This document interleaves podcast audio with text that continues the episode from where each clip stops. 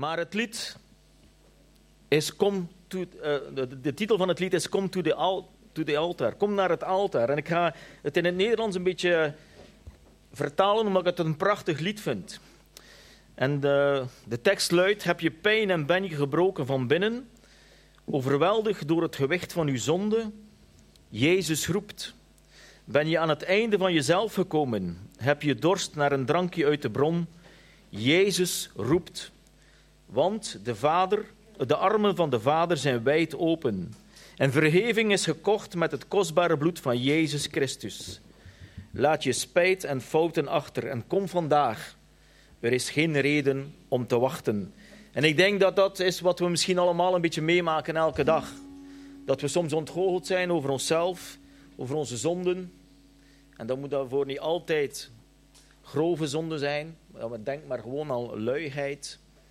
Dat is ook een zonde. Niet actief zijn, dat is ook een zonde. En we zijn ontgoocheld. Maar dat lied beschrijft dat. En ik had van de week of over veertien dagen nog een gesprek met iemand dat het heel moeilijk is om onszelf te veranderen. Dat we soms zo moeilijk overwinningen hebben op bepaalde zonden, dat er altijd wel iets blijft kleven. En hier zegt dat lied, ondanks alles mogen we komen tot de Vader. Want Gij staat met zijn vergeving klaar. En dat is wat dat lied in feite wilde uitdrukken. En ik denk dat het goed is om daarmee te beginnen, om daarover na te denken, dat ondanks alles wij een Vader hebben in de hemel die alle zonden vergeeft. En daarvoor zijn we ook vanmorgen samengekomen. We zijn samengekomen omdat we weten dat God een God is van genade. En we gaan liederen zingen, we gaan hem eren en, en loven en we zijn dankbaar dat we dat volle besef mogen hebben. En ook bidden en uitzien naar de verandering in ons leven, omdat we toch ergens dat verlangen hebben door de Heilige Geest om een heilig leven te leiden. Ondanks alles zijn we geroepen om heilig te zijn. En dat is ons doel. En ondanks alles weten we dat we elke dag soms ontgoocheld zijn onszelf. En daarom is Jezus ons aan het kruis voor ons gestorven. Dat mogen we ook vandaag weer van horen en zingen. We hebben een druk programma vandaag. We gaan een aantal liederen zingen. Er wordt ook de zondagschool wordt voorgesteld, de nieuwe klasse. De kinderen zijn vol ongeduld, denk ik, om zich te mogen in de nieuwe zondagklasse te zijn. Dus er is heel wat te doen. En ik wil ook nog onze gastspreker, sorry, ik had u bijna vergeten, eh, uit eh, te bedanken voor zijn eh, komst. En volgens Raymond is het de eerste keer dat hij hier gaat spreken in de kerk. Dus we zijn allen zeer benieuwd. Welkom. Zo, we gaan nog open in gebed. Vader, we danken u, Geren, dat wij hier ook mogen samen zijn. Rondom u. Want we weten waar twee of drie, dat u daar bent, Geren. Dat u bij ons bent. En dat we inderdaad mogen erkennen dat u onze God en onze Vader bent. Dat wij door liederen ook u mogen loven en prijzen om wie u bent. Dat wij mogen stilstaan bij de genade en het wonder van het kruis. We danken u omdat u onze Vader bent. Onze God, onze Heiland, onze Verlosser, onze Rechter. Heer, wilt u onze dienst zegenen? Wilt u onze harten leegmaken, zodat onze ogen mogen gericht zijn op u? Zodat die stroom van levend water ook vandaag ons mag vervullen. Wilt u uw Heilige Geest over ons zenden, Heer? Omdat we inderdaad ontvankelijk mogen zijn voor al hetgeen wat we hier horen. Dat we dat ook mogen meedragen in de komende week. Dat we mogen zeggen na de dienst, het was goed om hier te zijn. Heren, dank u wel. Dat vragen we in de naam van Jezus. Amen. We samen recht staan. Begin met 10.000 redenen.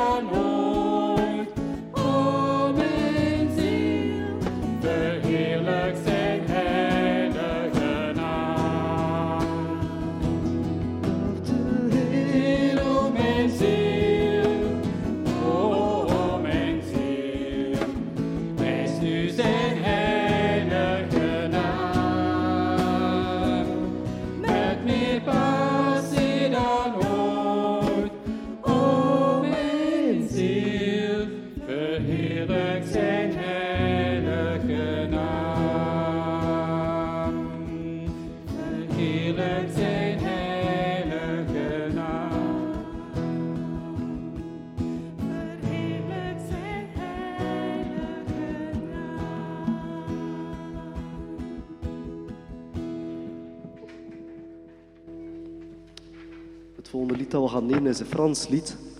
En de reden is van, ik moet zeggen dat eigenlijk... Iedereen heeft zo zijn eigen taal waarin dat ze tot bekering kwamen. Van sommigen is het Engels, anderen is het Spaans, anderen is het Cambodjaans, anderen is het Frans. En eh, ik heb, ja, moet zeggen, tot mijn 22e zat ik in de Franse kerk. En moet zeggen, de Franse taal bleef zo'n speciale taal eigenlijk. En daarom dacht ik, we gaan het eens doen. Een Frans lied. Um, Toi est digne. Alleen u bent waardig. Er is ook een vertaling, dus jullie kunnen volgen wat het betekent. Ehm, het is eigenlijk al een lied dat ik al twee, drie jaar wou nemen in deze gemeente. En ik dacht, nu is het moment, na twee, drie jaar. We gaan het gewoon doen.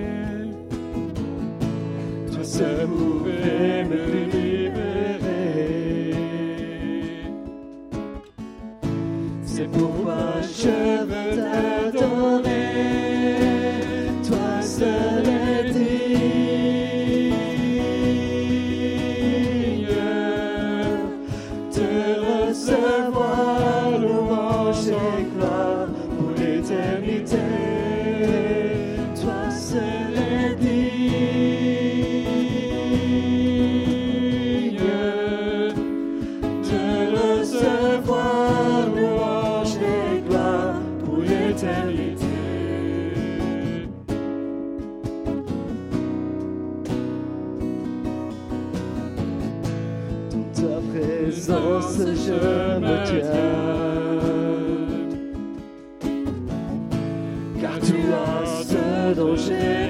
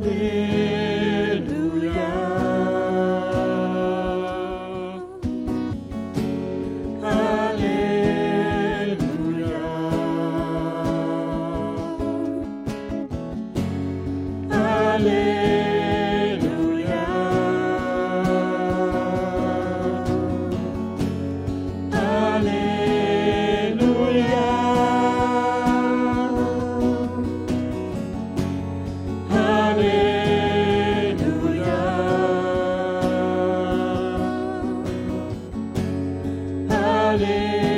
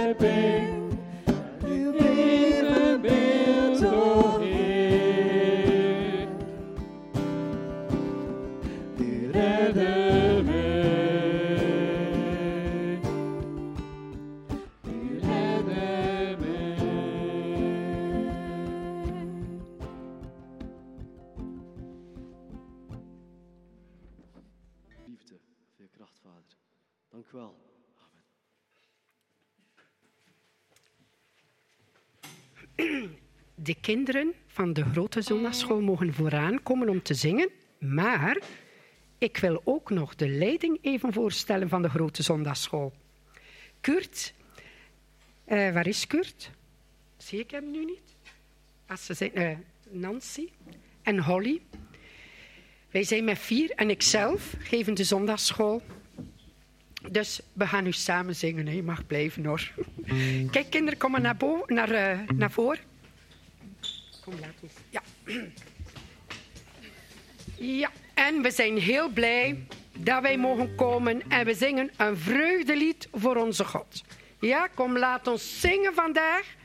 Zingen vandaag, zingen tot de eer van God. En we gaan dan klappen en we gaan dansen en we gaan prijzen. Ja, zijn jullie goed wakker? Ja? Nee, ze zijn nog niet goed wakker. Ja, het komt wel. Goed. We gaan ook samen recht staan. Ja. Naar het wc zeker? In- Ik denk naar het wc. Ja. Goed.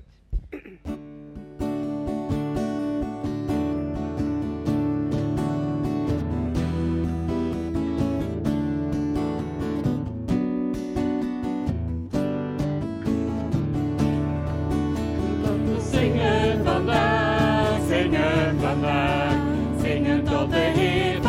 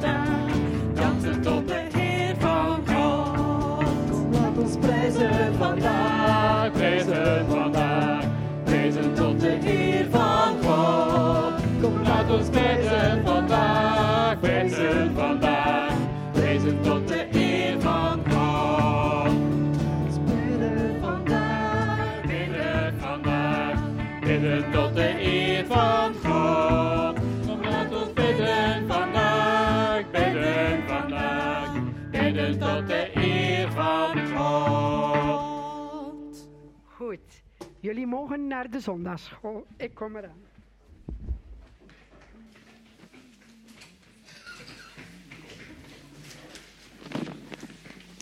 We gaan Raymond uitnodigen om eh, te luisteren naar zijn boodschap. Ik dacht dat Raymond al eerder was gekomen bij mij, bij mij, maar het kan zijn dat ik verkeerd ben. Want Raymond is eigenlijk al iemand die al jarenlang ETS geeft. Bij ons, denk 15 jaar al. Dat is ondertussen al 16 jaar, dus toen we nog in het oud gebouw zaten. Dus velen van, ah, een paar van ons kennen Raymond nog van toen we ETS hadden. Toen dat dan net was opgestart. Dus 16 jaar later, nodig hem eens uit. Alsjeblieft, Raymond.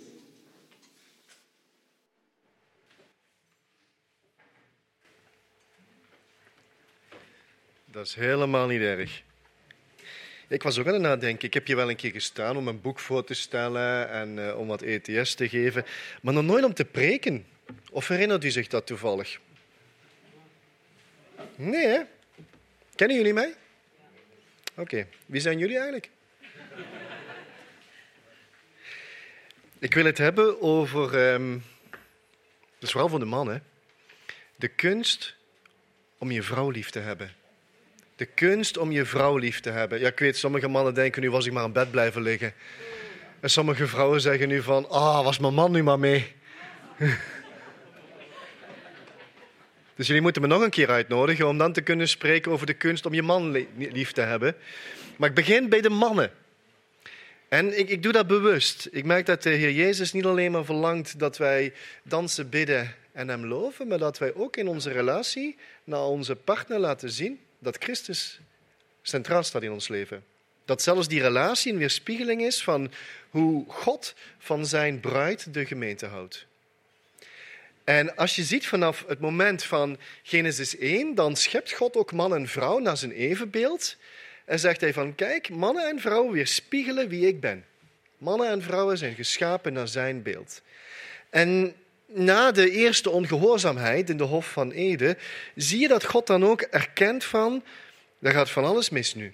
Niet alleen maar de akker zal zich tegen ons keren, maar de mannen zullen ook over de vrouwen gaan heersen, negatief. En de vrouwen zullen de mannen willen misleiden, kun je het vertalen, het Hebreeuwse woord. En als je in onze maatschappij kijkt, dan heeft God gelijk. Dan is dat niet alleen maar iets van deze maatschappij trouwens, maar van alle generaties. Dat mannen er altijd weer in slagen om op vrouwen neer te kijken, vrouwen te mishandelen. Om eigenlijk zichzelf vooral als macho neer te zetten. Om geen rekening aan mee te houden dat mannen en vrouwen die hetzelfde werk doen, dat beide hetzelfde ook verdienen. Nee, je hebt zo'n situaties waar mannen dan die hetzelfde werk doen als vrouwen meer verdienen als vrouwen, wat totaal onrechtvaardig is. Allemaal dingen die niet goed zijn en die akelig zijn. Je ziet dat zelfs in de sportwereld. Ik kwam het verhaal tegen van, dus al jaren geleden, vorige eeuw, 1990. Toen won de vrouwenploeg van Duitsland het WK. Mijn vrouw is van Duitse afkomst, dus die dingen moet ik onder andere al weten. De vrouwen die wonnen het WK. En nu zou je kunnen zeggen van, als de mannen het WK winnen, wat krijgen ze dan? Een paar spaarcentjes vermoedelijk. Hè? Elke persoon in de zaal droomt van dat bedrag. Dat gaat over vele duizenden euro's. De vrouwen wonnen het WK en wat kregen ze? Een servies. Een servies. Je moet je dat voorstellen, ik ben niet meer mee met de huidige voetbalploeg in Duitsland. Maar ik herinner mij even de keeper Emmanuel Neuer. Je moet je voorstellen, de Duitsers winnen het WK, de Duitse mannenploeg. En Emmanuel Neuer zit achter het stuur, trots naar huis te rijden, want hij heeft iets gewonnen op het WK. Een servies. Dat is krankzinnig als je erover nadenkt. Maar het is wel wat er gebeurt.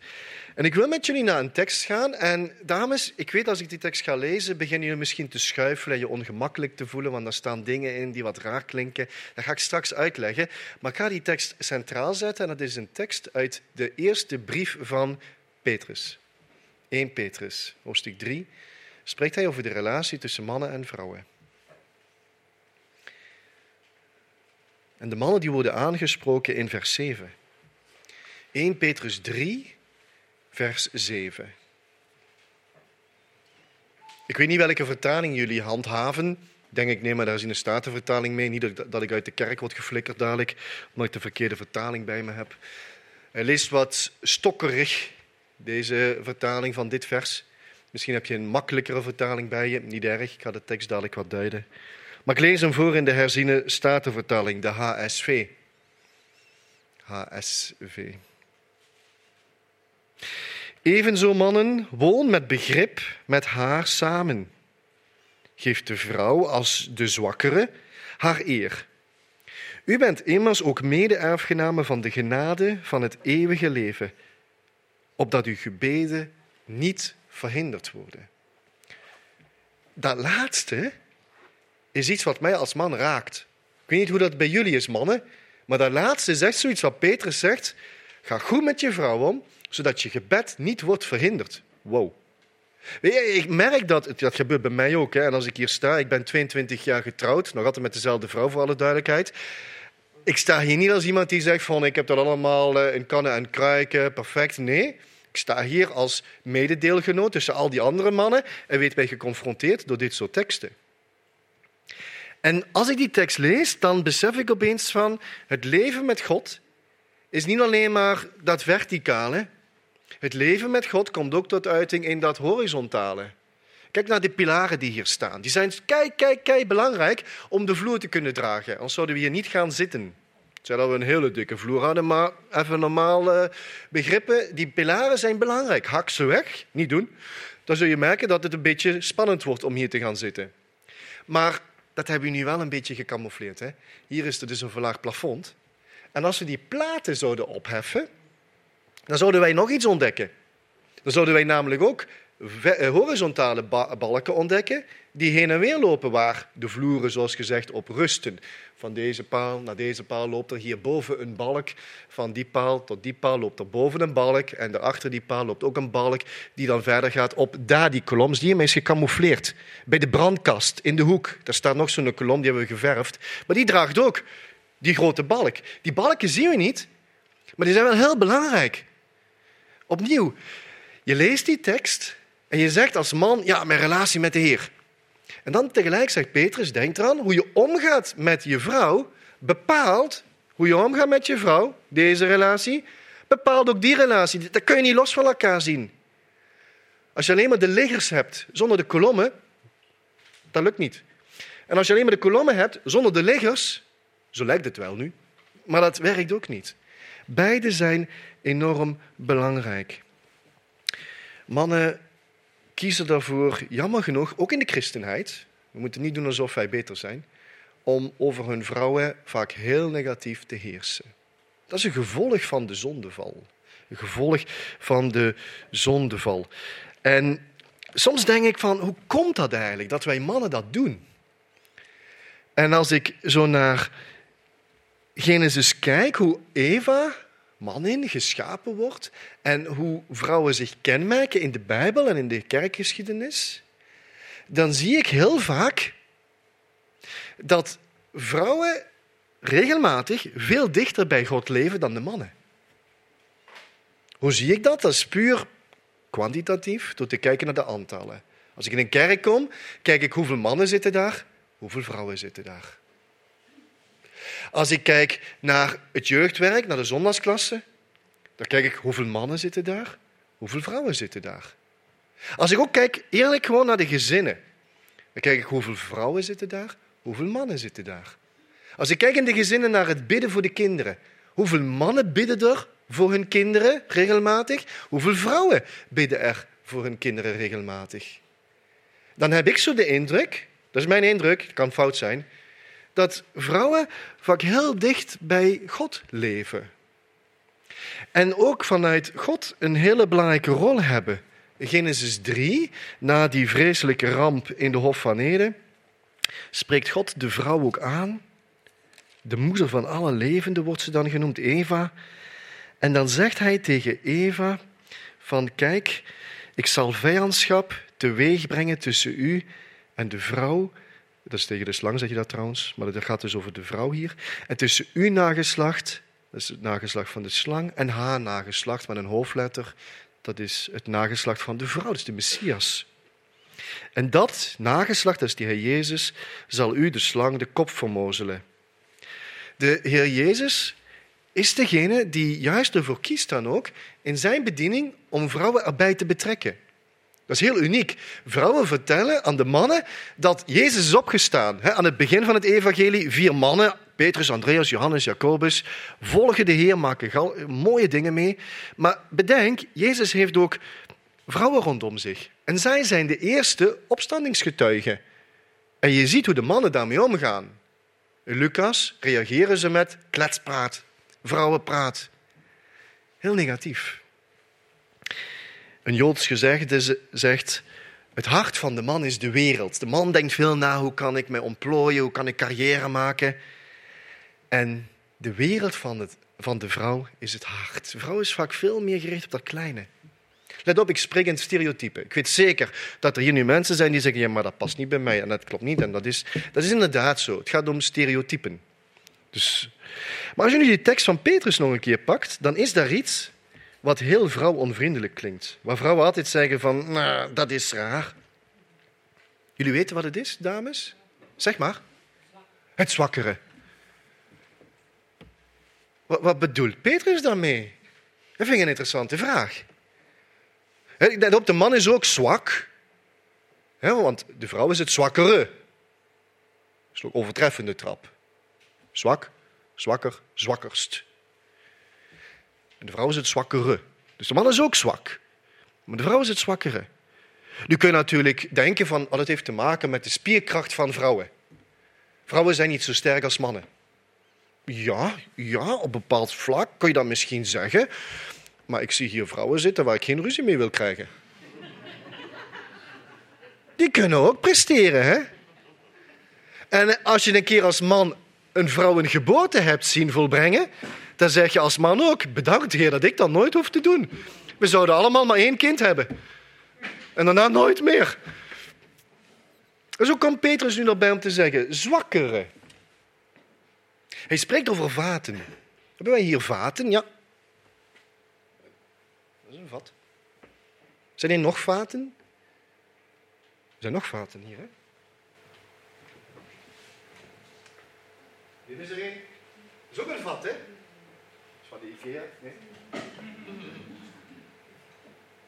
Is ook een vat. Allemaal vaten. Zelfs dit is een vat. En ook achter staat er helemaal in de hoek links, kijk eens achter je. Ik ga die niet halen, hè? die zijn vol met water. Dat zijn nu pas echt vaten. Van die watervaten. Nu, als ik zou zeggen tegen jullie, zoek een keer op internet een foto op van een zwak vat. Waar zou je dan nou op zoek gaan? Maar je mag dat doen. Pak een keer je smartphone. Ga een keer opzoeken op Google, afbeeldingen. Zwakker vat, waaraan denk je? Tussendoor sta ik voor de klas, dus vandaar dat ik soms interactie eh, leuk vind. Waaraan denk je? Mag gerust de afbeelding laten zien.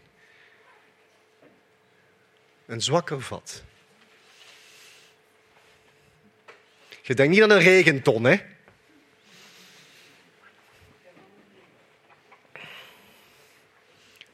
Zie ook geen zwakker vat staan. Zou er een zwakker vat in de keuken staan? Holly? Enig idee of er hier een zwakker vat in de keuken staat? Iets waar jullie aan denken? Dus dan zouden er heel veel zwakkere vaten moeten staan dan. Komen dadelijk bij Jan terug.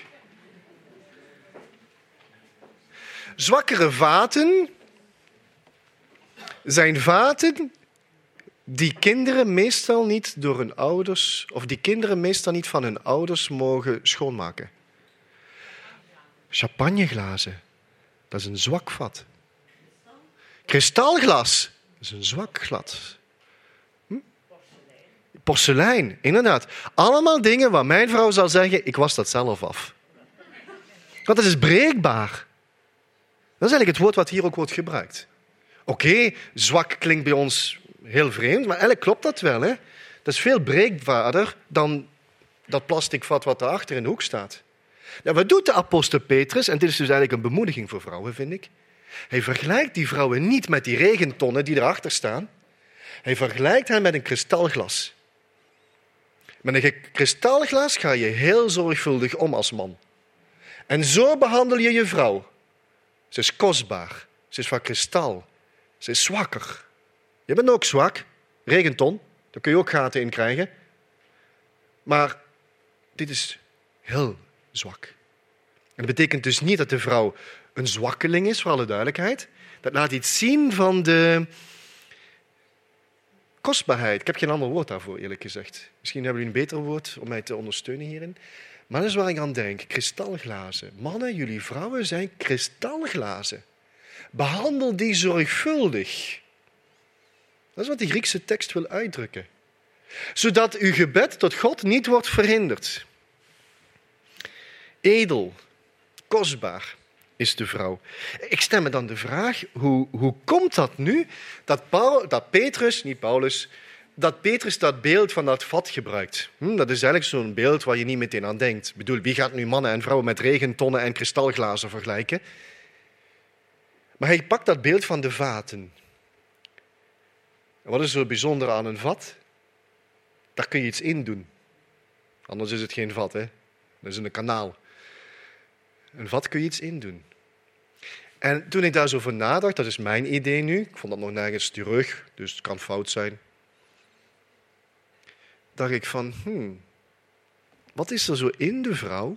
Wat ontstaat er zo in de vrouw? Wat haar zo kostbaar kristal maakt. En ik moest denken, dat is mijn suggestie, u mag daarop schieten. De kinderen. Kinderen. Vrouwen dragen iets heel kostbaars in zich. Wij mannen verwekken kinderen. Dat is leuk. Maar de vrouwen moeten er wel negen maanden voorzichtig mee omgaan. Dat is niet altijd makkelijk voor de man om mee om te gaan, maar ook voor de vrouw. Hè? Want je mag heel veel dingen niet, je wil heel veel dingen wel, en weer, et cetera. Maar je draagt dat kostbare in je. En je ziet dat, als ik dat mag onderbouwen vanuit het Oude Testament heel sterk, doordat de pijlen van de Satan heel vaak gericht zijn op het huis van David, zodat de Messias nooit geboren kan worden. Je hebt zo van die momenten dat het hele huis van David bijna wordt uitgeroeid. Behalve zo de kleine, wie is het, Joas? Ik weet niet. Die wordt apart gehouden door de hoge priester Jojakin. Hoe heet hij? Joas? Ja, Jojada, dankjewel, ze is de hoge priester. En de kleine heet Josia? Joas? Bijbelkennis is jou niet hoog, hè? Bij mij op dit moment ook niet.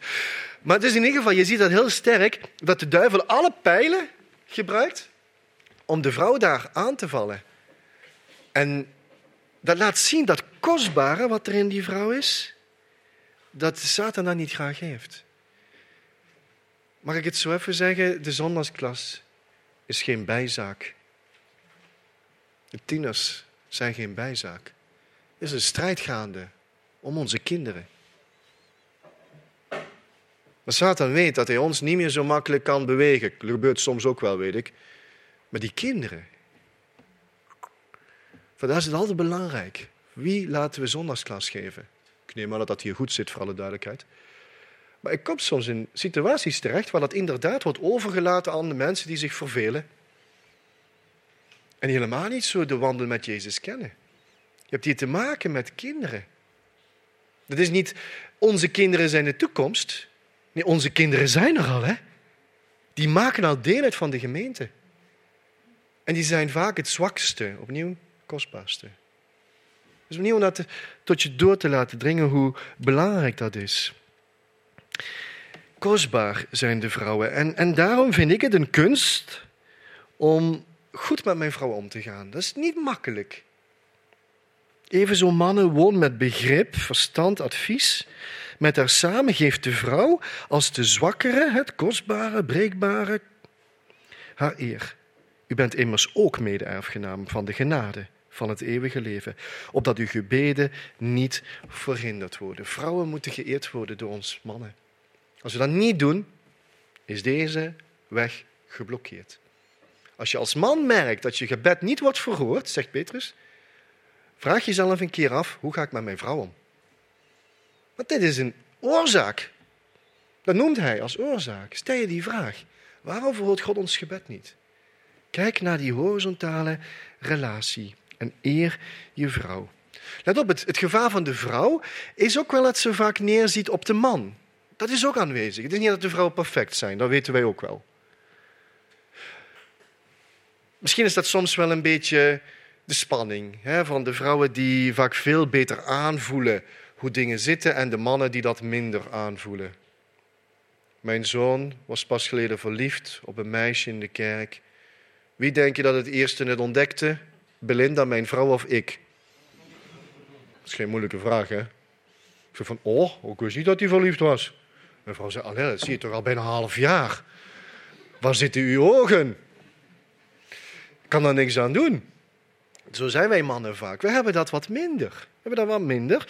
Het gevaar van een vrouw is dat ze dan de man daar een beetje voor trekt. Nee, nee. Mannen en vrouwen zijn bewust kostbaar door God geschapen. Zijn beide nodig om het beeld van God te reflecteren. En we moeten van mannen geen vrouwen maken en van vrouwen geen mannen. We moeten ze complementair, uh, samen, bij elkaar voegend uh, zien. En dus wat dat betreft zie je dat dan ook vaak misgaan. Hè? De vrouw dreigt dan snel om alles van de man te verwachten. Kijk op de gemiddelde school rond of op het strand. En je ziet dat vrouwen daar soms rondlopen dat je denkt van, je hebt dat niet nodig. Je, je, je kleed je nu zo om alle blikken van die mannen te vangen. En zo ben je eigenlijk niet, maar je bent op zoek naar echte tederheid en echte liefde. Alleen dat vind je zo niet. Zo vind je juist de verkeerde liefde, met alle gevolgen van die. En dan beland je weer in diezelfde situatie. Dan ga je weer zo kleden, in hoop dat je weer gezien wordt. Kom je weer die verkeerde mensen tegen. Dat is een groot gevaar. Dat zegt God ook in Genesis 3. Hè. De man wil heersen over de vrouw. En de vrouw wil, ik vertel het even in mijn eigen woorden, de vrouw misleiden. Maar eigenlijk de, vrouw laten, de man laten compenseren voor de liefde die ze mist. Maar de mannen kunnen dat niet. Die liefde kun je alleen bij God vinden. De man dient zijn vrouw te beschermen, veilig te beschermen, dat ze niet breekt. Ik weet niet of er hier mensen zijn die op zoek zijn naar een vrouw of naar een man. Misschien zijn er vrouwen op zoek naar een man. En in onze christelijke kerken hoor je dan heel vaak, ja, je mag trouwen met wie je wil als het maar een christen is. Dat zeggen we toch, hè? als het maar een christen is. Ik ben eigenlijk wat strenger. Ik zeg dan van, ja, maar christenen heb je in allerlei soorten en vormen. Dat is een beetje zoals smurfen. Bedoel, je kunt met moppersmurf trouwen, dat is een heel andere smurf, dan met bemoedigingssmurf, klopt toch? Christenen is zo heel breed. De Bijbel zegt niet van, je mag trouwen met wie je wil als het maar een christen is. Nee, nee, nee. De Bijbel moedigt je aan. Kijk naar die man van wie je gaat houden. Eigenlijk moet die man, en dat is heel moeilijk, dat lukt nooit, op Christus lijken. De vrouwen hebben het daar wat makkelijker. Die mogen op de gemeente lijken. Die is wat minder volmaakt. Maar de mannen moeten op Christus lijken. En wat heeft Christus voor de gemeente gedaan? Hij heeft zijn leven gegeven voor de gemeente. Dus eigenlijk, dames, als jullie een man zoeken, zoek iemand die bereid is zijn leven voor jou te geven. Amen. Er is alleen één nadeel bij die stelling, je kunt dat nooit uitproberen. Dat niet. Maar dat is wat je moet zoeken. Een man die bereid is, een christen die bereid is, net als de Heer Jezus, zijn leven voor jou te geven. Dat is de man die God zoekt. Dat is de man die de vrouw zoekt. Dat is een kostbare schat. Adam. Ik ga afronden. Ik spring nog één keer naar Adam en dan rond ik af met praktische puntjes. Adam, het eerste wat hij doet, ik weet of je dat een keer gemerkt hebt, als Eva is geschapen uit zijn zijde, dan uh, begint Adam niet het gras te maaien. Hij gaat nog niet naar de winkel om een bos bloemen te halen. Wat doet hij als eerste? Hij produceert een, een dichtrap, als het ware. Hij zit daar een muziekstuk te componeren in Genesis 2. Zie je op een bepaald moment, kijk maar in uw Bijbeltje, Genesis 2, vers 23. Genesis 2, 23. God brengt de vrouw bij Adam.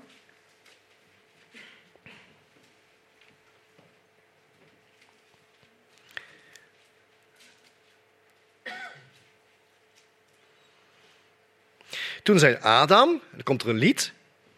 Deze is ditmaal been van mijn beenderen en vlees van mijn vlees. Deze zal man in noemen, of genoemd worden, want uit de man is zij genomen. En dan gaat de verteller verder en zegt van, kijk, dat is de reden waarom een man zijn vader en zijn moeder verlaten en zich aan zijn vrouw rechten. Dat lied van Adam is belangrijk. Dat lied van Adam doet iets met die vrouw. Dat lied van Adam geeft aan die vrouw betekenis. Geeft zelfs aan die vrouw identiteit. Oké, ik weet dames, het is nu niet de meest sexy woorden van been, van mijn beenderen en vlees. Het is mannenpraat, dat weet ik ook wel. Maar het is wel zoiets van, wauw, Adam is blij. En hij laat dat zien als een vrouw. Dat geeft betekenis aan de vrouw. En dat zorgt ervoor dat de vrouw zich gerespecteerd voelt, zich geëerd voelt en groeit. Kijk naar hoe Christus met ons omgaat. Wij zijn de gemeente. Hoe gaat hij met ons om? Hij geeft ons betekenis. Christus respecteert ons. Christus bemoedigt ons. Christus laat ons groeien. Dat is de manier van hoe mannen met hun vrouwen moeten omgaan. Als je wil weten hoe moet ik mijn vrouw lief hebben, kijk naar Christus. Hoe Christus met ons omgaat, zo moet jij met je vrouw omgaan. Christus houdt van zijn vrouw en maakt haar schoon, reinigt haar, zet haar helemaal schoon voor zich. Geeft als het ware duizend euro en zegt: koop maar de mooiste kleren. Niet om daaruit je betekenis te ontlenen, dat is verkeerd. Maar omdat ik u mooi vind, koop maar mooie kleren. Maak je maar mooi. Want je bent kostbaar, zegt de Heer Jezus tegen zijn bruid. En zo mogen wij mannen onze vrouwen laten openbloeien. Opnieuw, dat is een kunst. Hè. Ik sta hier lekker te praten, dat is makkelijk. Hè. Maar handen en voeten daaraan geven, dat is een tweede zaak. Dat is veel moeilijker. Want vrouwen zijn anders. Vrouwen zijn minder geïnteresseerd in eh, voetbal, spelletjes, oorlogsfilms. Krijg ik mijn vrouw niet op de bank naast mij. En de dingen die zij wil kijken, krijgt ze mij niet op de bank naast haar.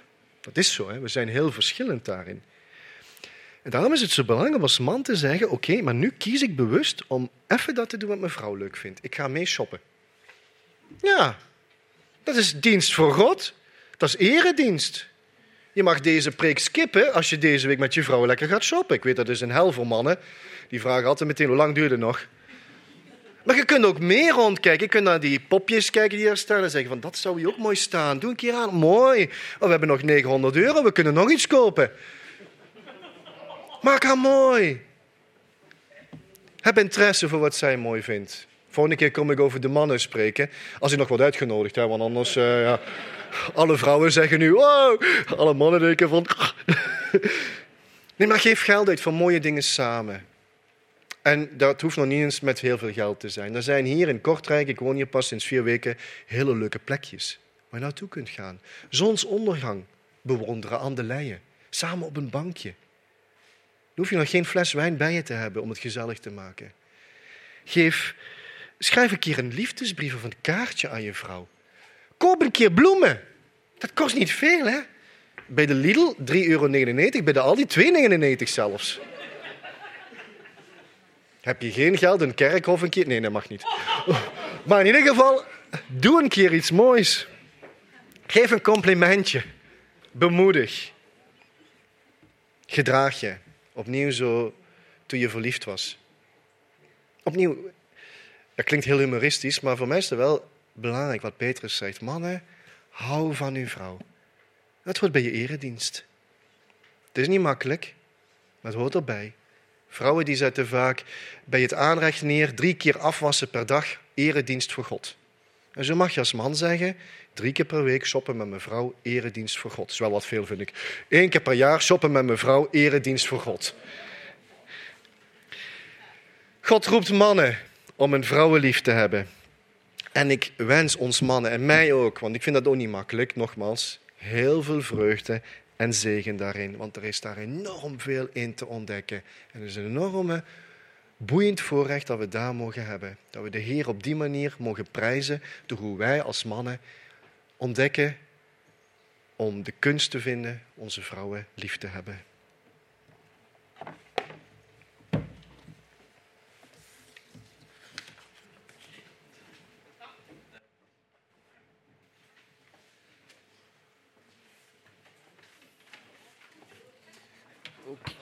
Oké, bedankt Raymond. Maar misschien, eh, ik denk niet dat mijn vrouw content zou zijn met een bloemetje van de Aldi of van de Lidl. Maar ze zou zeggen, de liefde is ook niet zo groot hè, voor 2,5 euro. Maar toch bedankt. Oké, gelukkig mijn vrouw is er niet vandaag. Oké, dan gaan we nog een eh, lied zingen. En dan krijgen we nog de mededelingen. Maar alvast bedankt. En inderdaad, misschien denken we daar niet over na. Hè. Onze gebeden kunnen belemmerd zijn. En het is natuurlijk niet altijd gemakkelijk omgaan met elkaar.